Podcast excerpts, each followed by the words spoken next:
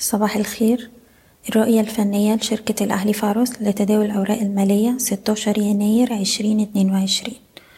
شفنا الأسبوع اللي فات المؤشر استمر في التحرك العرضي في نطاق ضيق أعلى مستوى تسعمية وخمسين وده أقل مستوى اتسجل في آخر ست جلسات.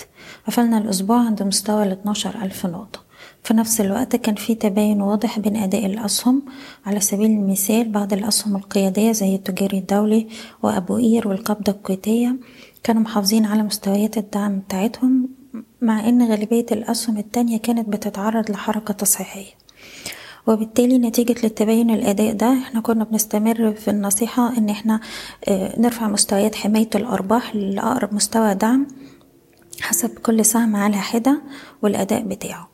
إحنا دلوقتي عندنا مستوى دعم عند تسعمية وخمسين. لو شفنا المستوى ده بيتكسر يبقى معنى كده التصحيح بتاعنا هيمتد لمستوى الدعم التالي عند ألف وتمنمية نقطة.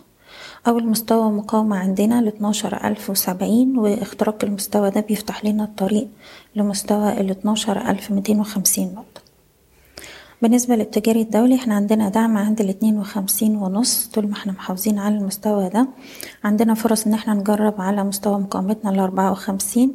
إحنا بالفعل قربنا عليه جلسة الخميس وما اخترقناهوش لسه لكن اختراق المستوى ده يفتح لنا الطريق للستة وخمسين ونص والتمانية وخمسين جنيه.